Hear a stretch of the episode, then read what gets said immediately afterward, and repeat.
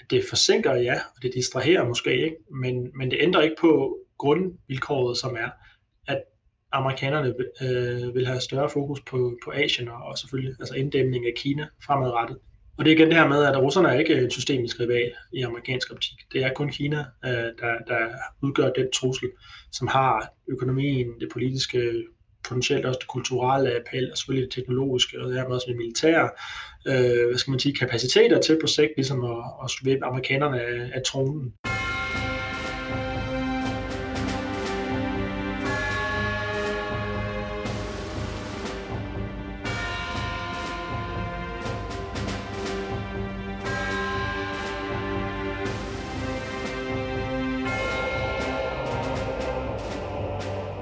Goddag igen og velkommen til Krigskunst podcast. Mit navn er Kasper Vester. Jeg er til daglig journalist på Olfi, og jeg producerer podcasten her sammen med min medvært, militæranalytiker Anders Puk Nielsen. I dag har vi besøg af Rasmus Sending Søndergaard, og vi skal tale om USA. Jeg skal selvfølgelig lige sige, at alle medvirkende giver udtryk for deres egne meninger og ikke tale på vegne af nogle organisationer, som de måtte have en forbindelse til. Og så er det over til dig, Anders. Ja, vi skal tale om USA i dag. Der er sket meget med USA's rolle i verden gennem det seneste halvandet år. Præsident Trump er blevet afløst af præsident Biden. USA har trukket sig ud af Afghanistan, og senest har krigen i Ukraine demonstreret, at USA også stadig har viljen til at engagere sig i Europas sikkerhed. Og med alle de nye udviklinger, så er det måske på sin plads at spørge, hvad alt det her betyder for USA's syn på verdenssituationen. Hvor er de på vej hen? Hvilke trusler ser de? Og hvordan ser de på samarbejdet med os? Og til at svare på disse og andre spørgsmål om USA har vi besøg af Rasmus Sinding Søndergaard. Rasmus er forsker ved Dansk Institut for Internationale Studier og historiker med speciale i amerikansk sikkerhedspolitik. Og Rasmus er den helt rigtige til at fortælle om, hvor USA's sikkerhedspolitik er henne, både i et historisk og i et aktuelt lys. Rasmus Sinding Søndergaard, velkommen til Krigskunst podcast. Tak for det.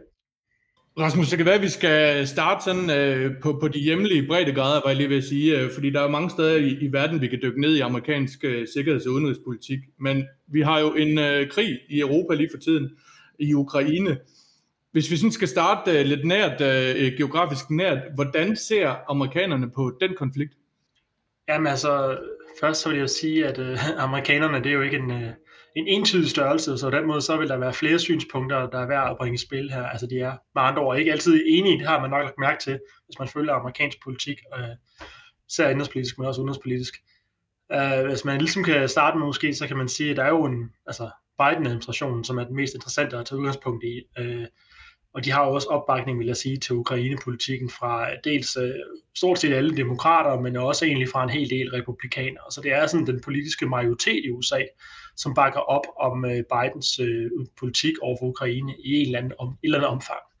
Og det drejer sig selvfølgelig om, som vi har set, altså at man har været haft enormt stor fokus på at samle allierede, øh, også i Europa, men også øh, fra Asien og andre steder i verden, om at give så meget øh, opbakning til Ukraine, som man overhovedet kan, i form af bistand, våben osv., og samtidig prøve at ramme russerne så hårdt, altså simpelthen at straffe Putin så meget, som man overhovedet kan med sanktioner, Øh, det er sådan ligesom, kan man sige, det er jo politikken, og den er der egentlig ret bred opbakning til i USA. Så derudover så kan man sige, at altså, selve konflikten i Ukraine bliver en eller anden måde også sat ind i en større kontekst. Det er især Joe Biden, vil jeg sige, og Biden-administrationen, som gør det, at de øh, fremstiller det som sådan en kamp for den, det han kalder den regelbaserede verdensorden, ikke? eller det som vi også kender som den liberale verdensorden. Ikke? Øh, som jo er det her øh, forståelse af, at vi har nogle regler og nogle normer, der skal styre, hvordan man opfører sig som stat på den internationale scene.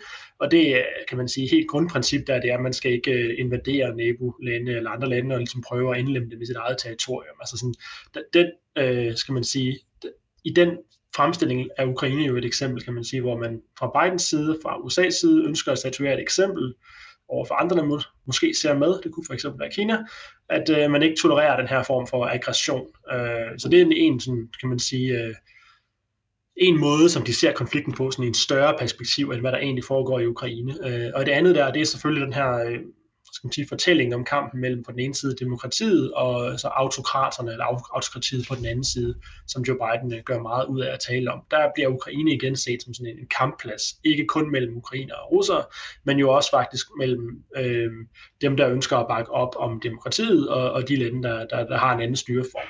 Øh, så, så, så det er sådan, altså, det er de store fortællinger ikke, øh, fra Bidens øh, side. Så er der også bare altså, i USA historisk, kan man sige, øh, en vis antipati over for Rusland, som jo er bundet i, i, i Sovjet og den kolde krig og den slags. Og, og det fylder jo noget, især blandt Biden og sådan den ældre generation af amerikanere stadigvæk. Det skal man ikke være, være sådan blind for, hvor meget det betyder, at det lige er Rusland, der er fjenden her. Øh, og så også lige kigge lidt, der er jo, altså kommer jo løbende meningsmålinger ud, hvis man spørger, sådan, hvad synes amerikanerne lidt bredere forstand. Og der vil man sige, det er ikke kun Biden og, og demokraterne og, og nogle af republikanerne, der sådan bakker op om linjen. Altså der er blandt amerikanerne også, øh, ligesom vi ser her i Europa, en ret stor grad af velvilje over for Ukraine, og en ret stor sådan, antipati over for russerne. Øh, vi kigger lige på den nyeste måling her fra, fra Pew, øh, som laver sådan nogle meningsmålinger om, hvad amerikanerne synes og andet, om udenrigspolitik blandt andet. Jeg tror, der er her for nylig, det sidste måned eller sådan noget, hvor at 70 øh, procent af amerikanerne, de øh, beskriver Rusland som en fjende, og det er altså op fra 41 tilbage i januar. Så det, der kan man jo godt se, hvad krigen har gjort. Altså, der er øh, kommet, øh, hvad skal man sige, krigsstemning i amerikanerne i den forstand, at øh, de er, der er ret bred enighed om i USA, at Rusland er en fjende, et land, som ikke vil amerikanerne det godt, og som er nogen, man ligesom skal, skal stå imod på. Og det samme kan man sige omkring, altså ukrainerne, de har fået en helterolle herhjemme, det har de også i, i USA. Ikke? Altså Zelensky og de andre har gjort et godt stykke arbejde for ligesom at, at få overbevist den amerikanske befolkning om, at de er the good guys. Så taler man ikke så meget om alle de problemer, der var i Ukraine forud med korruption og alle mulige andre ting. Nu har man ligesom fået lavet sådan en fortælling, hvor der er nogle rigtig onde og nogle rigtig gode, og det, og det er med til sådan at forme amerikanernes syn på, på krigen i Ukraine. Øhm, så kan jeg lige kort komme ind på altså nogle af de andre sådan, øh, oppositioner, kan man sige, for de er der jo også i USA. Altså ikke mindst, så er der jo de her, hvad skal man kalde dem, Trump-republikanerne, ikke? Og det inkluderer selvfølgelig præsident Trump, altså, øh, ligesom nogle af de andre. Men altså, det, det er en minoritet blandt republikanerne, men det er også værd at hæfte sig ved, at det er en voksende minoritet. Og en måde, man kan se det på, det er, der har været de her afstemninger løbende i den amerikanske kongres, hvor man har vedtaget resolutioner, og senest vedtog man den her store øh, pakke med bistand og våben, 40 milliarder dollars. Øh, og hvis man kigger helt tilbage sådan fra den første afstemning, man havde, der var der én republikaner i huset, der sådan stemte imod, og ellers så var der bred enighed om, at man ønskede at yde støtte og, og vise opbakning til ukrainerne.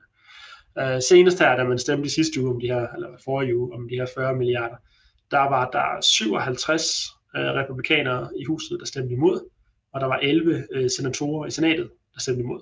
Alle sammen republikanere. Og de gjorde det langt hen ad vejen med argumenter om, at øh, ja, det, vi skal have styr på vores egne problemer derhjemme i USA. Vi skal ikke øh, løbe rundt og være verdens politimand længere. Øh, så er der sådan en, en modstand mod den her sådan, USA's globale militære tilstedeværelse, og den her idé om, at USA har en, en, en hund i, i kampen, så at sige. Altså, øh, Hmm, kan man sige det på dansk, men det hedder dog in a fight, som man siger i USA i hvert fald. Øh, så der var sådan en modstand mod det, og, og den gruppe, vil jeg sige, øh, altså, den skal vi nok regne med kommer til at vokse fremadrettet også. Altså det er jo til midtvejsvalget nu her til november, der, der, der er jo mange af de her Trump-folk, der, folk med Trumps opbakning, der har vind i sejlene. Så vi skal nok regne med, at den der sådan afart af det republikanske parti, der ikke ønsker så uforbeholden at bakke op om Ukraine, den kommer til at vokse. Så for ligesom at svare på spørgsmålet, så kan man sige, at minoriteten, som ønsker at holde lidt igen, og som ikke ønsker at være direkte involveret som, på samme måde, som Biden har været, den kommer til at fylde mere øh, frem mod, øh, ja, mod resten af Bidens periode. Så må vi se, hvad der sker, når der kommer en ny præsident, hvis der kommer en ny præsident øh, til næste valg. Øh, og sidst, men ikke mindst, så kan man sige, at der er også dem, der mener, at Biden ikke har gjort nok. Altså, det er det. Altså, han er for lidt og for meget. Øh, der er øh, folk, hos det republikanske parti, for eksempel Ted Cruz fra Texas, som nogen måske kender, som ofte tager overskrifterne i amerikansk politik. Han mener, at man skulle have lagt en langt hårdere linje over for russerne og gjort endnu mere for at hjælpe ukrainerne. Så Biden er sådan lidt, øh, han har hovedparten af opbakningen, både i befolkningen og rent politisk, men han har også folk hos republikanerne, der ligesom står på hver sin side af ham, og nogen siger, vi skal slet ikke blandes, og andre siger, at vi skal gøre meget mere. Det, det er sådan det billede, der er, øh, skal man sige. Så vi ligesom afdækket de sådan de vigtigste positioner i den amerikanske, øh, øh, skal man sige, amerikanernes syn på, på krigen i Ukraine. Hvis man øh, kigger tilbage til før præsidentvalget, da Trump stadig var præsident, der spillede Ukraine jo også en, øh, en, en rolle, ikke? Øh, med, og der var noget med Joe Bidens søn og, og, og Trump, der ville have en tjeneste og, øh, og alt sådan noget. Kan, kan, du, øh, kan du kort opsummere, hvad, hvad var det, det gik ud på? Ja, det kan jeg godt. Altså, det, det, det er meget interessant. Måske øh, husker man det ikke, men hvis man husker tilbage, så der, der var jo det her famøse øh, telefonopkald, hvor at, øh, at Donald Trump, han ligesom holdt øh, den militære bistand, amerikanerne giver til ukrainerne lidt hen, og sagde, at øh, ja, yeah, I would like a favor though. Altså meget sådan en slags, øh, det blev fremstillet i medierne lidt som sådan en slags, øh, kender fra Godfather-filmene, eller sådan en, en, en, en sådan mafia-metode, hvor han siger, ja, du kan godt få den her militærbistand, som er vigtig for, at du kan holde Putin fra døren, men øh, jeg skal have en tjeneste for dig. Og det var den tjeneste, han ville have, det var jo altså, at han ønskede, at øh, ukrainerne skulle se, om de kunne finde noget snavs på øh, Joe Bidens søn, Hunter Biden, som var involveret i nogle firmaer derovre i Ukraine. Og, og altså, den præsident, som Trump havde rørt og det var netop Zelensky, som vi på det tidspunkt ikke kendte så godt i Vesten, men det var altså den samme øh, Zelensky, som vi nu kender i dag øh, fra den aktuelle konflikt osv., som nu er blevet et globalt navn. Det var også ham, der var i den anden ende af røret, dengang øh, Trump han, øh, han bad om den her tjeneste, som jo så førte til altså dels en masse konspirationsteorier omkring, hvad der måtte være af forbindelser mellem Biden-familien og ukrainerne, som det så har vist sig ikke, ikke at være noget om snakken der, men jo også øh, var en del af den øh, rigsretssag, der var mod øh, præsident Trump, altså at øh, han havde øh, forsøgt at, at få indblanding udefra fra ukrainerne øh, som en del af hans øh, valgkamp hjemme øh, i øh, USA. Så helt grundlæggende kan man sige, at man så stort på geopolitik og national sikkerhedsinteresser, og i stedet for så forsøgte man at lave en deal med en, øh, en at presse en, en, en statsleder i et andet land til at grave smus frem for ens politiske modstandere derhjemme, hvilket jo er, er noget af en, en skandal, som man egentlig kun troede, man ville støde på i, i film og den slags. Ikke? Øh, men, men det var netop også øh, Zelensky, der, der var i spil der. Så for derfor så, Øh, hvis man er Trump støtte i USA, så, vil sige, så, så er det jo det, man tænker tilbage på, når man også hører Ukraine. Altså, så er det også en, en idé om, at, at Biden på en eller anden måde skulle være i lommen øh, på ukrainerne, at han på en eller anden måde skulle have gjort urent spil derovre på sin tid, og, og det er derfor, at han vil så gerne hjælpe Ukraine. Det er også en, en, en konspirationsteori, der florerer øh, i det konservative øh, højre i USA. Hvad kan man forvente, at, at den her amerikanske støtte til Ukraine, hvordan, hvordan kommer den til at se ud fremover? Nu har vi, øh, du nævner også, at vi har set nogle ret markante våbenpakker øh, sendt til Ukraine. Bliver det mere af det samme, eller er der ekstra skridt, som amerikanerne kan og, og vil tage for at støtte ukrainerne, sådan både på den korte og mellemlange bane? Ja, det er jo et, et virkelig godt øh, spørgsmål og vigtigt at svare på. Altså man bare sige, at øh, man har et standpunkt til, man tager et nyt, tror jeg, man skal sige i det her tilfælde. Fordi indledningsvis, der var der jo meget sådan, man holdt meget igen med, hvad man egentlig ville give dem. Øh, altså, og man var meget påpasselig med ikke at give dem for mange våben. Og hvis man så begyndte at give dem våben, så var der nogle grænser for, hvad man ville give dem, øh, både fra sådan NATO-hold, altså fra de europæiske NATO-lande, men også fra amerikansk side. Og den grænse har vi jo set rykke sig hele tiden, når man har givet dem gradvist tungere og tungere våben. Øh, så så øh, altså, det er jo en konstant afvejning af, at man ønsker at støtte ukrainerne men heller ikke øh, risikere, at den her krig den eskalerer. Altså ikke, ikke træde over Ruslands røde linje, hvor den så måtte ligge. Sådan til at, øh, altså frygt for, at russerne skulle eskalere, og vi ved jo alle sammen, at altså, frygten for, at det i sidste ende kunne blive en form for atomudveksling, det, det, det sætter en dæmper på øh, lysten til ligesom at involvere sig. Og derfor så kan man bare sige, at den røde linje har jo hele tiden været fra amerikansk side, at der ikke skal nogen øh, altså amerikanske tropper, ikke nogen NATO-tropper ind i Ukraine. Øh, det har man været meget klar omkring, og, og det, det tror jeg nu nok altså, vil fortsætte med at være en rød linje. Øh, så, så, så der skal vi ikke hen. Men hvor man så kommer fra, hvor vi er nu, der kan man jo bare se, altså, hvad der er sket de seneste måneder.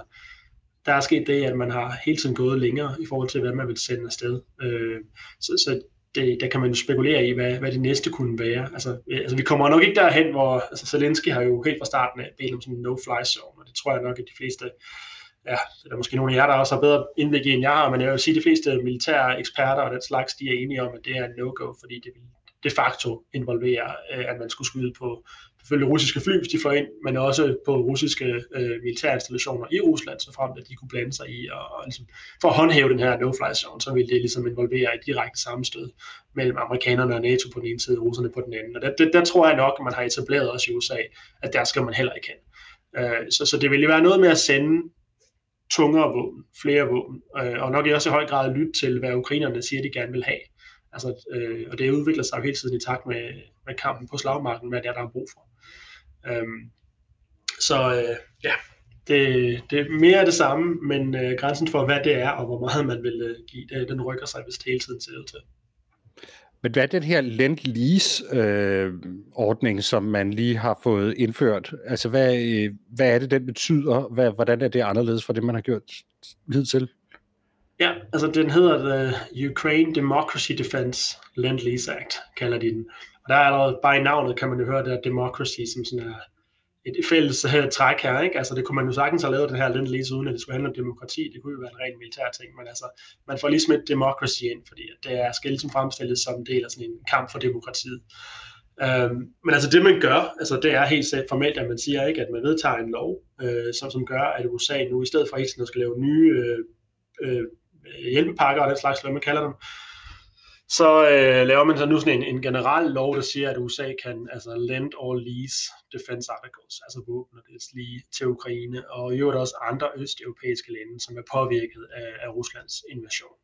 Øh, men altså, altså, til de, der sådan er lidt historieinteresserede, så er det jo klart, altså i navnet Lend-Lease, øh, det, det går jo tilbage til det, man under 2. verdenskrig øh, havde den her, den oprindelige Lend-Lease fra, fra 41, hvor amerikanerne øh, lavede en lignende aftale, hvor man begyndte at sælge våben og låne våben til øh, britterne for at hjælpe dem i kampen mod, mod Nazi-Tyskland.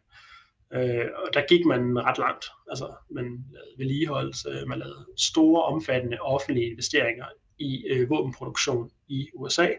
Øh, det var også der, at øh, Franklin D. Roosevelt, som var præsident på det tidspunkt, han sagde, at USA skulle være the arsenal of democracy.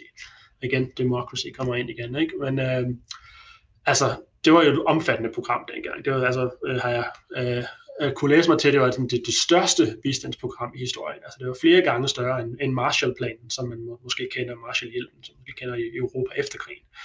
Uh, så det var en ret sådan omfattende uh, kapitalindsprøjtning, eller våbenindsprøjtning, kan man sige, i, i den britiske krigsmaskine fra amerikanerne.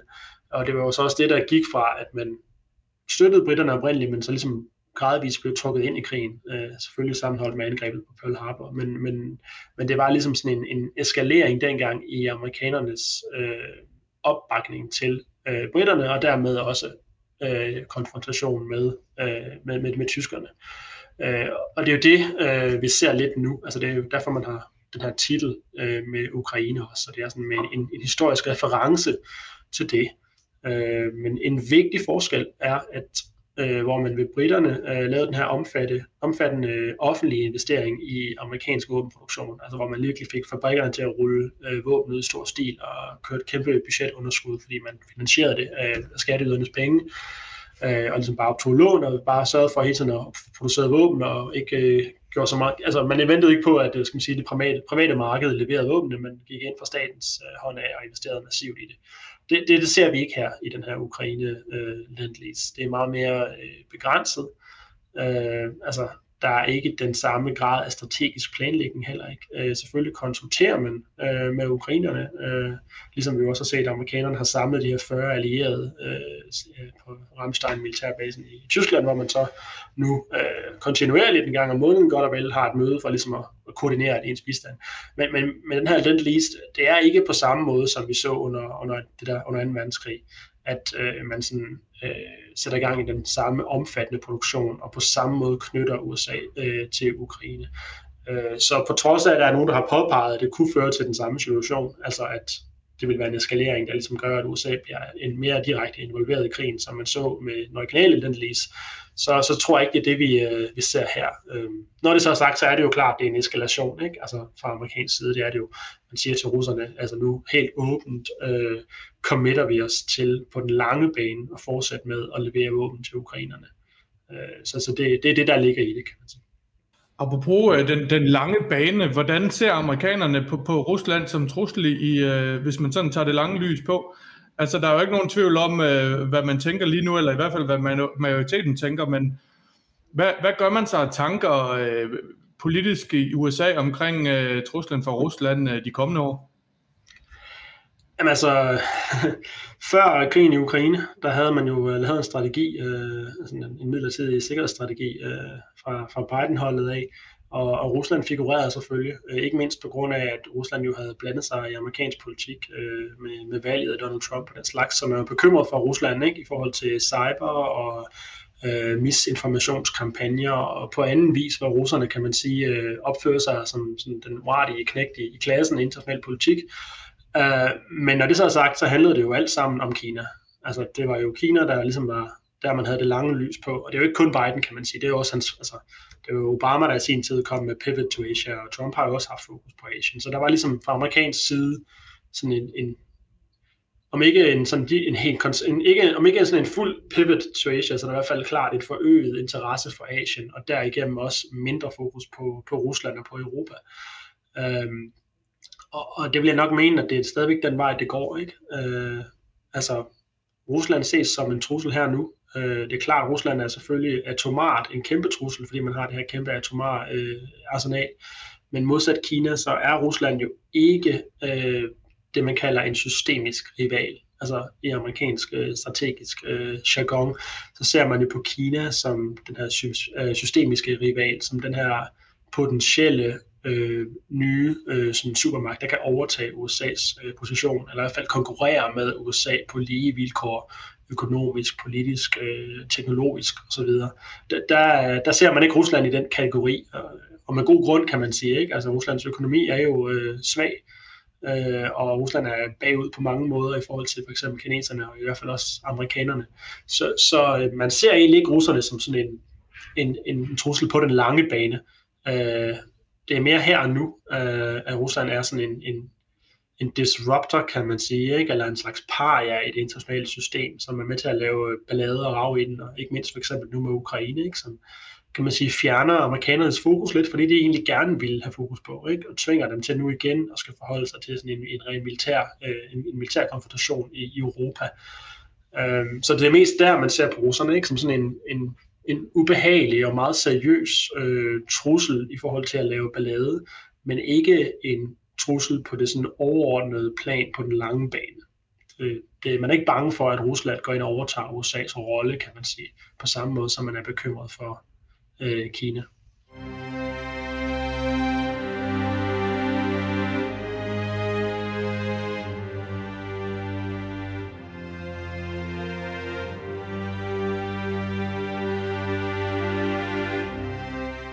Hvad tror du, man skal lægge i de udmeldinger, som der har været blandt andet fra øh, øh forsvarsminister Lloyd Austin om, at nu, øh, nu gælder det simpelthen om at få, øh, få, få slået Ruslands militære kapacitet ned, sådan så de også på den, den lange bane ikke har øh, kapaciteten til at, at, at starte flere krige. Hvordan, hvordan skal vi tolke det? Jamen, som en eskalation, ikke? Øh, altså, øh, måske lidt en... Øh en afløber også af, hvordan tingene har udviklet sig på slagmarken i Ukraine. Ikke? Altså at man har, i starten var man jo bekymret for, øh, om russerne, som de selv antog det, kunne, kunne tage Ukraine på ret hurtigt, og hvad der så ville ske derefter, om man kunne risikere, at det ville, man ville få appetit på mere, og, og gå mod andre lande, Georgien, Moldova osv., og på et sigt også true øh, NATO-lande. Øh, der er man måske nok kommet frem til nu, at, øh, at pilen peger lidt den anden vej, Øh, og det tror jeg, det er, man ser også ikke fra, fra Lloyd Austin, der den kommentar, at, altså at, at man ser nu det her i stedet for som en mulighed for endegyldigt at tage Rusland ud af spillet. Altså ikke regime change, på trods af, hvad Joe Biden sagde i hans tale i, i, i Warszawa, og ikke nødvendigvis, at man sådan, altså, tror på, at man kan gøre Rusland sådan fuldstændig ufarlig eller noget som helst, men dog øhm, en mulighed for, ja, som han netop siger, ikke? Altså at forhindre Rusland i at lave noget lignende inden for en overskuelig fremtid. Altså når vi ser på Ruslands øh, øh, formodede tabstal, de, de tal vi hører, ikke? at man har mistet en tredjedel af den kampstyrke, man satte ind i Ukraine efter sine, øh, og at man jo hele tiden, kan man sige, har svært ved at øh, og, og hvad skal man sige, vedligeholde den militære øh, slagkraft, fordi man hele tiden øh, løber tør for reservedel på sigt, når man har ramt de her hårde sanktioner, at man, at man måske har en forventning om, at de, øh, på sigt vil stå noget svagere militært øh, som følge af Ukraine-konflikten. Der tror jeg, at man, den udmelding, som kom fra Austin der, det er også en, at nu vender man den om, og nu ser man det faktisk som en mulighed for at sige, nu har Rusland virkelig jogget i spinaten med den her invasion, og nu skal man, ja, for at sige det, altså malke situationen, og, og, og sige, nu er der en mulighed for egentlig at, at virkelig tvinge russerne i, i knæ. Øh, det, altså, det, det, det er vel det, der ligger i det, øh, og så har man jo også, kan man sige, har man sagt det der, men man siger jo også andre ting, altså, altså der er jo lidt mixed messages, vil jeg sige, fra amerikanerne i forhold til, hvad man egentlig vil, hvor du har Bidens øh, fortalelse muligvis om regime change, øh, som den sådan yder, yderpunktet, og så i stedet i midten har du Austin og, og det her om, at nu skal man svække russernes militære kraft øh, på den mellemlange bane eller noget af den stil. Men du har også andre administrationer, som, som trækker lidt i land hele tiden og siger, at vi, vi ikke jo, altså, ikke fordi man som, som sådan vil, vil genere russerne, men, men det handler om at, at, at hjælpe ukrainerne osv. Så der er jo lidt forskellige udmeldinger, alt efter hvem det er, der taler hvornår. Så man skal nok også se det som en del af et helhedsbillede, når man ser sådan udtalelser, og ikke, øh, ikke altid tage det som et udtryk for en fuldstændig ny øh, strategi. Mm øh, grund til at spørge, det er fordi inde, hos, øh, inde på min arbejdsplads, inde på Forsvarsakademiet, der har vi sådan meget øh, en, en diskussion om, hvorvidt øh, man kan bruge begrebet stedfortræderkrig mm. øh, for det, der foregår i, øh, i Ukraine, eller proxy war. Ja. Øh, hvilket i min sådan verden i virkeligheden betyder, at man egentlig ikke hjælper ukrainerne for at hjælpe ukrainerne, men at øh, man egentlig bruger ukrainerne som en form for instrument til at få øh, bekæmpet Rusland. Mm. Øh, vil, vil, altså, vil du synes, at det var en, en, en rimelig beskrivelse at bruge ordet stedfortræderkrig øh, omkring det, der foregår i, øh, med, med støtten til Ukraine? Jamen, det vil jeg bestemt mene, at man kan, man kan gøre. Altså, det er jo igen et, et begreb, som også var fremtrædende under den kolde krig, hvor uh, Sovjetunionen og USA var engageret militært rundt omkring i, i det globale syd. Og på den måde her minder det jo meget om, om det. Så det vil jeg så også bare sige, at altså, man kan sige, at Putin har valgt den her krig, ikke? og amerikanerne har ikke, hvad skal man sige, øh, pålagt ham at gå ind i Ukraine. Det er så en strategisk beslutning, som øh, russerne har truffet. Og nu har amerikanerne så erkendt, at, at det kan så være et godt sted at føre stedfortrædet krig, fordi at nu er russerne i den her øh, superdags, og så øh, gør det ikke noget, at man gør det ekstra svært for dem, altså ligesom at, at så påføre dem yderligere tab, når nu de er gået ind i Ukraine.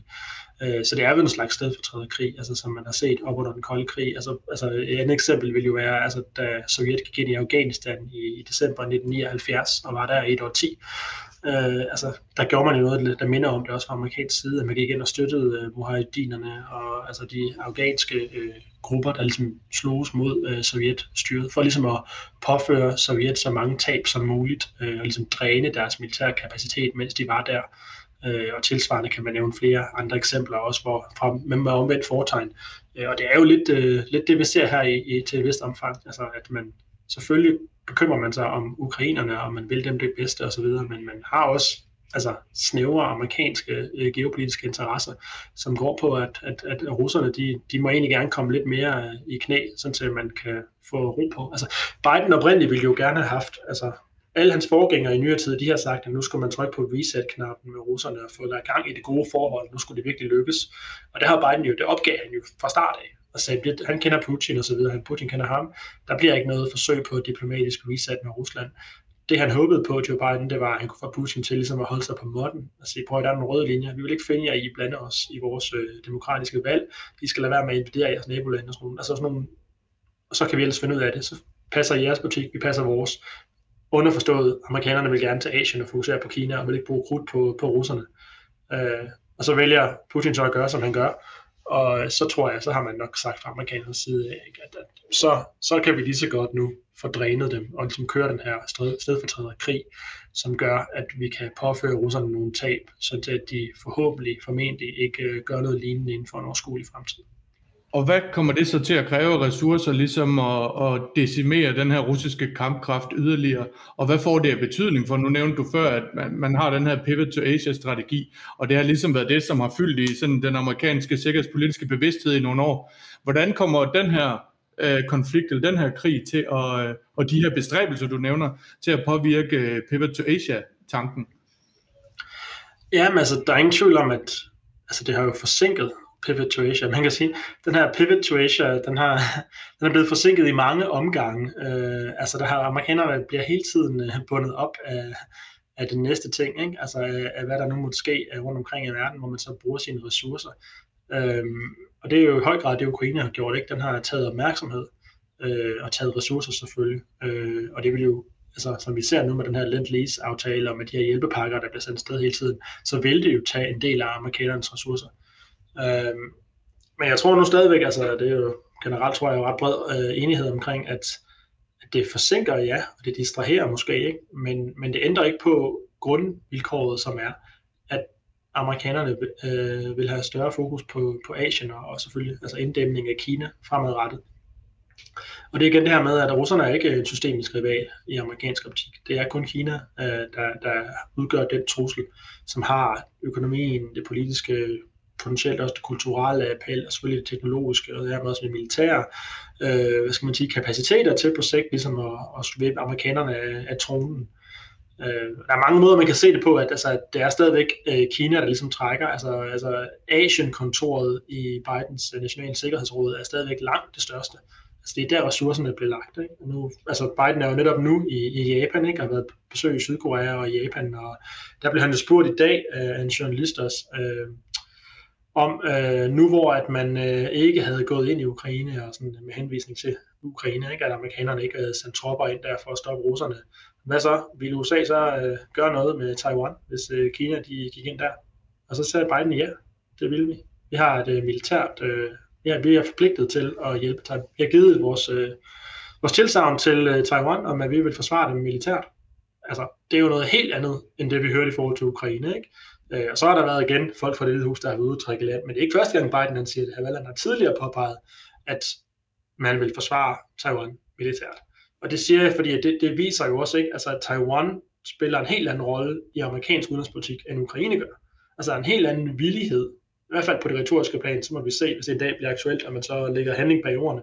Men en helt anden betoning af vigtigheden af Taiwan og behovet for at bremse eventuelt øh, kinesisk ekspansion, end det vi så med, med Rusland. Ikke? Og det ser jeg som, altså, dels er der forskel på Taiwan og, og, og Ukraine selvfølgelig, men jeg ser det også som et udtryk for, at når det kommer til at, at sætte foden for døren over for kineserne, så er man langt, altså man er villig til at gå, gå noget længere, ikke? man er meget mere øh, hård i spyttet der. Øhm, og så kan man sige også, altså, sådan en ting, jeg synes, der er vigtigt at få med, altså det, det kan godt være, at Ukraine har flyttet fokus, øh, det har det selvfølgelig, men på en eller anden måde kan man sige, at Ukraine har også givet amerikanerne meget af det, de gerne vil have. Ikke? Altså, øh, amerikanerne bruger mange ressourcer på, på Ukraine lige nu, men, men det har også fået os i Europa til at bruge flere ressourcer. Øh, og de har jo længe ønsket sig, amerikanerne, at vi, øh, altså NATO-allierede, lever op til vores 2% øh, forpligtelse. Øh, men også øh, altså generelt bare, at europæerne og Europa kommer mere på banen sikkerhedspolitisk, tager vare på vores egen sikkerhed, øh, kan være med til at afskrække russerne, måske også håndtere nogle af konflikterne i vores øvrige nærområde i, i MENA-regionen osv. i højere grad, så amerikanerne kan komme ud af den øh, region. Og der har man jo fået langt hen ad vejen det, man ligesom ønskede sig der. Og det kan jo være med til at frigøre nogle ressourcer for amerikanerne til på sigt at fokusere mere på Asien. Hvis Ukraine betyder, at Europa ligesom kommer på banen som en militær aktør, og at man i højere grad end tidligere kan overlade Europa til europæerne. Altså, det er ikke sådan noget med, at amerikanerne er ude og forlader NATO og ikke længere. Altså, vi vil stadigvæk altid være afhængige af amerikanernes sikkerhedsgaranti, men det er øh, formentlig altså, en, en udvikling, hvor at amerikanerne er i højere grad sted i Asien øh, end Europa. Øh, og, og der kan man sige, at det har Ukraine været med til at fremskynde på, altså på, på, den, på den mellemlange bane, tror jeg, det der, vi kommer hen, fordi at nu har vi i Europa forstået, hvad det drejer sig om i forhold til at sikre vores egen øh, sikkerhed over for russerne. Og så har man også, kan jeg sige, i forhold til Ukraine, jo fået mange asiatiske lande med. Øh, altså, da Putin gik ind i Krim, øh, ind på Krim i 2014, der gjorde man ikke rigtig noget fra for eksempel japansk side, koreansk side osv. Men nu har man jo det her, den her sanktionspakke dels, øh, men også det her med at koordinere mellem lande om at hjælpe ukrainerne. Der har man jo fra amerikansk side fået samlet ikke bare europæerne, men også Japan, Australien, Sydkorea, Singapore. Man har fået nogle af de vigtige øh, asiatiske allierede med. Så man kan sige, at Ukraine har på en eller anden måde sådan skabt en, dels et transatlantisk bånd, det er klart, det er blevet styrket, men også hen over øh, Stillehavet. Øh, og det er jo det, som er Bidens helt store, øh, hvad skal man sige, udenrigspolitiske strategi egentlig fra starten af, har været det her med at samle demokratierne, kan vi sige, mod autokratierne, selvom det ikke er nødvendigvis altid kun demokratier, der er med i vores klubber og modsat, men dog øh, at samle øh, USA's nære allierede i Asien og Europa om at gå fælles om at inddæmme Kina og opretholde den her regelbaserede orden. Nu er det så i forhold til Ukraine, det er blevet appliceret her nu, men der ligger også i det, at hvis man kan gøre det der, så kan man ikke med de samme midler nødvendigvis, men med den samme politiske vilje i hvert fald, skabe måske en bredere alliance, hvor at europæerne og de asiatiske lande, kan blive samlet under amerikansk lederskab om at ligesom bakke op om den her amerikanske lederorden. Det er jo det, Biden egentlig gerne har ville, og der kan man sige, at Ukraine har måske alligevel ført frem til det øh, på sådan den, den mellemlange bane.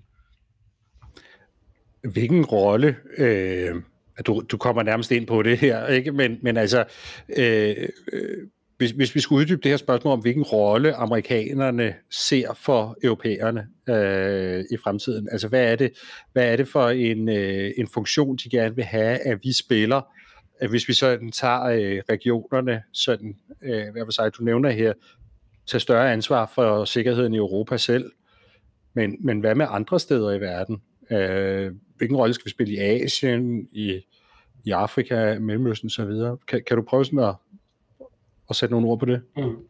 Altså det er jo fortsat, fortsat øh, uklart, kan man sige. Altså sådan helt konkret, hvad det er, de ønsker. Ikke? Men, men udover at tage mere vare på vores egen sikkerhed, som er, er ret konkret, hvad man mener med det, så, så er det jo altså en, vi må nok forvente øh, en eller anden form for amerikansk øh, pres eller tilskyndelse til, at vi også er med øh, i Asien netop. Altså fordi man ønsker, i hvert fald så længe, at man har en, en tilgang, der minder om Biden-administrationens side, ønsker at, at køre det her multilaterale øh, diplomati også. Ikke? Så man ønsker at samle USA's allierede om at løse opgaverne. Og derfor bryder man sig heller ikke om at være for isoleret øh, over for Kina, for eksempel i Asien. Så man må formode, at amerikanerne vil have, at vi skal tage vare på vores egen sikkerhed i Europa, men formentlig vil der også komme en form for anmodning eller et håb om, øh, en eller anden form for udtryk af, at man ønsker, at, at europæerne skal følge med til Asien i en eller anden forstand. Og, og hvad, det, hvad det så konkret vil blive, det, det, det kan være svært at spå om. Ikke? Det kan jo både være noget freedom of navigation, som er sådan et centralt element, kan man sige, i Indo-Pacific, altså hvor man sikrer, at øh, der er den her fri bevægelighed for for eksempel handel og så videre. Ikke? Øh, det vil også kunne være sådan nogle menneskerettighedsspørgsmål. Der er mange sådan politiske, økonomiske øh, ting, som ligger uden for det sådan stringent militær, hvor at man kunne levere nogle bidrag, og hvor amerikanerne formentlig ville værdsætte, at de har opbakning fra en bred koalition øh, i forhold til, hvad der foregår over i Asien. Øh, så kan man sige, at kigger andre steder hen, så kan man sige, at altså, Mellemøsten, det, det har ligesom øh, ligget i kortene i stykke tid, og i øvrigt, som man siger også, øh, Afrika, øh, at, at amerikanerne ikke er så frygteligt engageret der, og man har længe ønsket at komme ud, og nu hvor man er kommet ud af Afghanistan, så, så, så er der jo nok, altså der er mindre appetit på den slags operationer øh, blandt amerikanerne, jeg tror, der er sådan en idé om, at det er noget, som vi i Europa i højere grad øh, gerne skulle tage vare på. Og man kan sige, altså, det er jo også der kommer til at stå med flygtningestrømmen, det er jo også der har de her øh, migrationsudfordringer og så videre som konsekvens af, at der er politisk ustabilitet eller økonomisk øh, øh, nedtur øh, i de her regioner og så videre. Så det kommer lidt sådan helt naturligt, at i øjeblikket amerikanerne ikke ser, at de har sådan vitale nationale sikkerhedsinteresser, øh, terrorisme, øh, energi osv. Selvfølgelig vil man altid være stadigvæk, til, altså USA vil altid være til stede i et eller andet omfang, fordi man har de her globale interesser. Men i højere grad, så tror jeg, at man vil sige, at, at, at amerikanerne har mindre sikkerhedspolitisk interesse i at være til stede i samme omfang, f.eks. i Mellemøsten og Nordafrika osv. Og vi i Europa, vi har bare nogle andre interesser der, som er afledt af, at vi geografisk ligger, som vi gør, og at vi kommer til at skulle håndtere for eksempel flygtningestrømme og den slags, øh, hvis der ligesom er for meget uro i den del af verden. Så, så der, det ligger næsten helt afgjort, at, at EU og Europa kommer til at spille en større rolle der, og det er helt klart, øh, at amerikanerne vil, vil med glæde overlade den slags til os. Så øh, kan det jo være, at der en dag opstår en, en begivenhed, som vi så, altså 11. september var jo, kan man sige, noget, der vendte alting på hovedet, og man kan jo aldrig sige aldrig, og på den måde, så kan man sige, at alting kan ændre sig meget hurtigt, hvis der sker en eller anden øh, voldsom begivenhed, som gør, at amerikanerne igen fjerner fokus. Øh, men ja, det, jeg tror, det, det er sådan, altså, er der andre regioner, som vi ikke har talt om, men altså Latinamerika giver næsten sig selv, og det, det ser man jo som sin egen baghave øh, over i USA, det har man altid gjort. Og, altså, det er ikke den vigtigste region i verden, øh, hvis man sådan skal være lidt, øh, lidt hård, øh, og nok heller ikke et sted, man forventer, at vi på nogen måde sådan skal være aktive. Det, det er meget, at amerikanerne selv forsøger at holde kineserne og russerne ude derovre.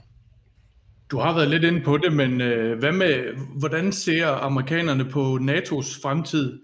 Øh, under Trump, han troede jo øh, flere gange meget bestandt med, at nu øh, kunne man altså ikke regne med, at amerikanerne ville komme ilende hele tiden. Øh, men i mellemtiden er der så, øh, ser vi den her krig i Ukraine, og nu begynder europæerne faktisk at rykke lidt på sig. Altså, vi er på vej mod 2% i Danmark. Tyskerne, de opruster rigtig meget. Øh, et langt stykke hen ad vejen er man vel ved at få, hvad man har ønsket sig i USA, er man ikke det? Jo, det vil jeg mene. Det, øh, det kan man sige. Det er, der er ikke noget, der er så skidt, det ikke er godt for noget. Altså, nu ser jeg det med amerikanske briller her i forhold til Ukraine. Ikke? Øh, men, men, men det, man, man får langt hen ad vejen, hvis ellers øh, den her momentum det holder, holder stik, og det kan jeg ikke se, at man skulle have grund til at betvivle. Altså, det er jo nogle ret omfattende øh, investeringer, man har lavet, ikke mindst i Tyskland, og det rækker jo langt ud i fremtiden, og det, det er der jo opbakning til, politisk virker det til, så, så det ligger til at være egentlig forholdsvis stabilt, at, at det er den vej, det går.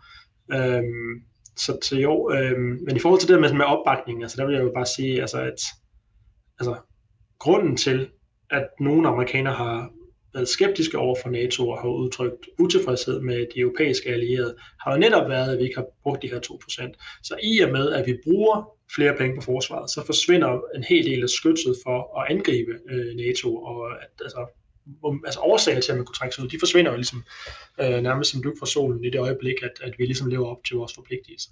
Så kan man jo begynde politisk at sige, at ja, de skal bruge endnu flere penge, de skal bruge 3%, 4%, fordi amerikanerne bruger så meget, sådan meget og den slags. Ikke? Det kan man jo altid øh, fra politisk hold bruge som argument. Men i forhold til de aftaler, der ligger, og i forhold til den sådan forventning om, at europæerne skal ligesom betale det, vi har lovet, når i det omfang, at vi begynder at gøre det, så, så forsvinder en del af argumentet jo også netop for at trække sig ud. Øh, så, så på den måde kan man sige, at der kan jo godt, altså Trump kan, man kan ikke afvise, at Trump øh, stiller op og vinder øh, igen. Øh, det kan bestemt ikke afvises, og man kan også forestille sig, at der kommer en anden øh, karakter fra det republikanske parti, som øh, langt hen ad vejen øh, øh abonnerer på nogle af de samme holdninger, han har.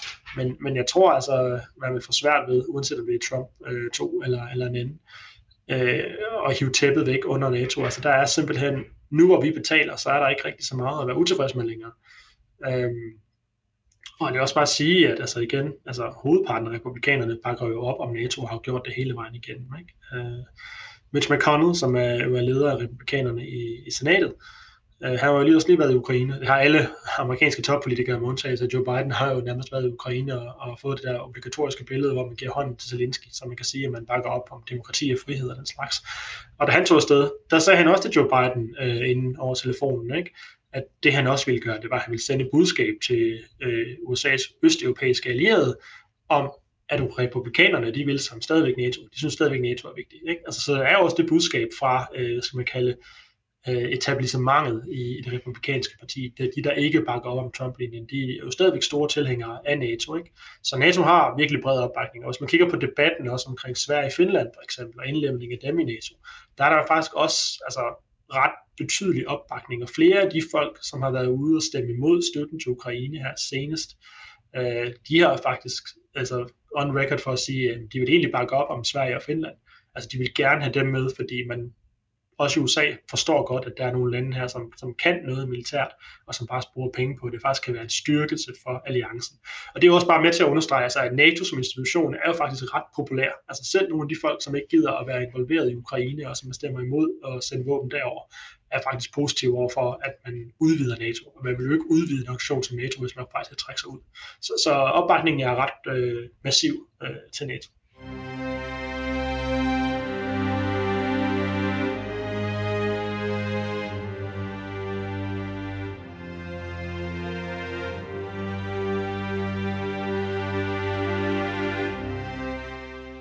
Du nævner her lidt med, øh, at øh, USA ikke helt på samme måde som tidligere ønsker at være involveret i øh, som verdens politimand i, i alle mulige brandpunkter, men øh, hvordan skal vi forstå USA's rolle øh, fremover i forhold til urolige regioner i verden, Mellemøsten rigtig meget, har vi set dem involveret i, men, men også andre steder, øh, Afghanistan og så videre. Altså, er, er der, de, er jo, de er jo stadig engageret de her steder, øh, og, og, og jeg formoder, at de på en eller anden måde stadig har tænkt sig at, at blive ved med det. Øh, så, så, så hvilken rolle vil de spille der? Jamen, som du netop er inde på, så, så er de jo engageret øh, rundt omkring. Ikke? Altså, som en, øh, en stor magt, ikke, så definerer man jo sine interesser globalt. Øh, og derfor så har man også en tendens til at, at, at, at, ligesom at, at blive inddraget i konflikter rundt omkring. Og man kan jo bare nævne her, at i sidste uge, der øh, besluttede Joe Biden, at man nu igen ville sende øh, amerikanske soldater til Somalia for at bekæmpe terrorisme der. øh, tropper, som der var op mod 700 før, tror jeg, som, som Trump havde, havde trukket langt hovedparten af ud af landet, og nu sender man dem så ind igen. Så det er sådan et eksempel på, at altså, det kan godt være, at, at Afrika for eksempel ikke er nummer et på Bidens øh, agenda, og det kan godt være, at man hellere vil bruge energien på, ja, Kina på den lange bane, måske her nu Ukraine. Men man er en global supermagt, og derfor så skal man samtidig også bekymre sig om terrorbekæmpelse øh, i, i Somalia. På den måde så er man til stede øh, rigtig mange steder på samme tid. Øh, og udover det der med, sådan, kan man sige, de sådan benhårde øh, nationale stormagtsinteresser, så har man jo også fra amerikansk side, altså igen historisk, den her sådan, nogen har kaldt det sådan en demokratisk mission, eller man skal sige, men altså det her, sådan, der er sådan den her missionerende element i USA's forhold til verden, hvor man ser sig selv som det her forbillede, og det her sådan, ja, man taler om at være city on a hill, altså at være sådan et forbillede for resten af verden, og der er det jo ens værdier, der er forbilledet, ikke? Altså det, det er ikke kun øh, Coca-Cola og McDonald's osv., der skal eksporteres, det er også øh, værdierne. Øh, og der kan man sige, der er også en tendens til, at man nogle gange kan se verden lidt øh, sort-hvid, øh, som følge deraf, ikke? og så taler man om, om ondskabens akse og så videre, og man laver sådan nogle meget klare opdelinger, øh, som også har været med til at gøre, at man øh, bliver involveret langt hen ad vejen. Ikke? Og det, det forsvinder jo heller ikke øh, over natten, det her element i sådan, USA's forhold til omverdenen. Man bruger meget forskellige metoder, ikke? og der kan være nogen, der lægger mere vægt på bistand end på den militære intervention osv. Men vi har bare set op igennem historien, at man kommer hele tiden tilbage til en eller anden form for sådan når demokratiet er presset, så, øh, så træder man til. Det er jo ikke fordi jeg siger, at amerikanerne konsekvent altid øh, står på den rigtige side af historien, og altid øh, føler, at de skal beskytte menneskerettigheder verden over og den slags, men der er dog øh, et element også i sådan den amerikanske politiske fortælling om, at når tingene går rigtig galt, så skal man gerne hjælpe til. Altså øh, i en grad, som måske mange andre stormagter ikke altid har haft øh, lige meget fokus på. Så, så, så der er noget, der taler for, at, at man stadigvæk vil være involveret rundt omkring i verdens brandpunkter. Især hvis vi ser nogle sådan alvorlige tilfælde, altså folkedrab og den slags, ikke? Så, så er det meget svært at være amerikansk præsident og sidde på hænderne og sige, det er ikke noget, vi skal blande os i. Det må vi overlade til nogle andre. Fordi der er ikke andre som regel, der kommer til. Det er amerikanerne, der sammen med allierede måske, men dog med amerikansk lederskab skal træde til. Øh, så på den måde, så, så er vi ikke, vi er færdige med nation building, som han siger, øh, Biden, ikke? Man skal ikke øh, i gang med at opbygge de her demokratier rundt omkring. Der vil man lave nation building at home, som jeg tror, det var Obama, der sagde det i hans valgkamp. Ikke? Altså, at man skal fokusere på at, at, at gøre noget ved de uh, betydelige problemer, man har derhjemme i USA, frem for at løbe rundt og prøve at bygge skoler rundt omkring i verden nødvendigvis. Uh, så man skal nok ikke se sådan en, en, en omfattende uh, operation, som vi har set i Irak og Afghanistan. Men det betyder ikke, at, at, at man ikke stadigvæk uh, springer til, når der er uh, brandpunkter. Ikke? Uh, og endelig så vil jeg også bare sige, i forhold til USA's engagement, og det er måske et godt sted at slutte, altså, altså, vi kan tale nok så meget om, hvad amerikanerne vil gøre nu med udgangspunkt i Biden, og vi har jo vi var inde på i oplægget også, at, altså, at det så noget anderledes ud, øh, da Trump var præsident. Ikke? Øh, og det er nok noget, vi skal vende os til. Ikke? Øh, tidligere har der været en relativ høj grad af sådan tværpolitisk konsensus mellem de forskellige administrationer. Selvfølgelig kunne man se forskel på øh, Bill Clinton og, og George Bush osv., men, men der har dog været mange ting, der var sådan der var en, en fælles øh, sådan baseline for, hvad man, hvad man ville udenrigspolitisk, og nogle ting, som ikke var sådan, til forhandling, eller man skal sige. Og man simpelthen bare taler om, at, at, øh, at, at politikken stopper ved, ved water's edge, altså ved vandkanten. Alt det der indrigspolitiske fnid og det ligger med til siden, når man skal ud i verden. Så har man de amerikanske interesser for det. Øh, og den er altså nok ved at gå fløjten. Ikke? Øh, der er forskellige syn på det inden for forskningen, i hvor høj grad det er tilfældet, men man må bare sige, ligesom vi ser, at amerikansk indrigspolitik er mere og mere polariseret, og der er større og større udsving mellem de to partier, så kan man også godt se det i forhold til udenrigspolitikken, at der er nogle ting, hvor der måske er enighed om, at for eksempel Kina er en udfordring, og dem skal man have fokus på og sådan noget. Men der er rigtig mange andre ting, øh, som de to partier ser meget forskelligt på. Derfor skal vi nok også vende os til, at når vi taler om, hvad amerikanerne vil fremadrettet, så skal vi have for øje, at det betyder mere, end det gjorde tidligere, hvem der vinder præsidentvalget øh, der, der vil komme større udsving, eller det vi så øh, under Trump. Ikke nødvendigvis en gentagelse af det, vi så med Trump, men et udsving, hvor vi skal forberede os på, at det betyder praktisk noget, om det er det ene eller det andet parti, der, der sidder i det hvide hus. I, I et område, hvor lige præcis det der er øh, meget markant, det er måske spørgsmålet om Iran. Øhm, og det, det kunne jeg faktisk godt tænke mig også lige at nå at, øh, at vende med dig, øh, inden, vi, øh, inden vi slutter. Øh, altså, Obama-administrationen øh, indgik jo en, øh, en aftale med Iran, øh, en atomaftale. Trump øh, lagde den i graven, Og, og nu står vi så øh, med Biden, og øh, hvordan, øh, hvordan ser perspektiverne egentlig ud øh, i forhold til, til konflikten med Iran?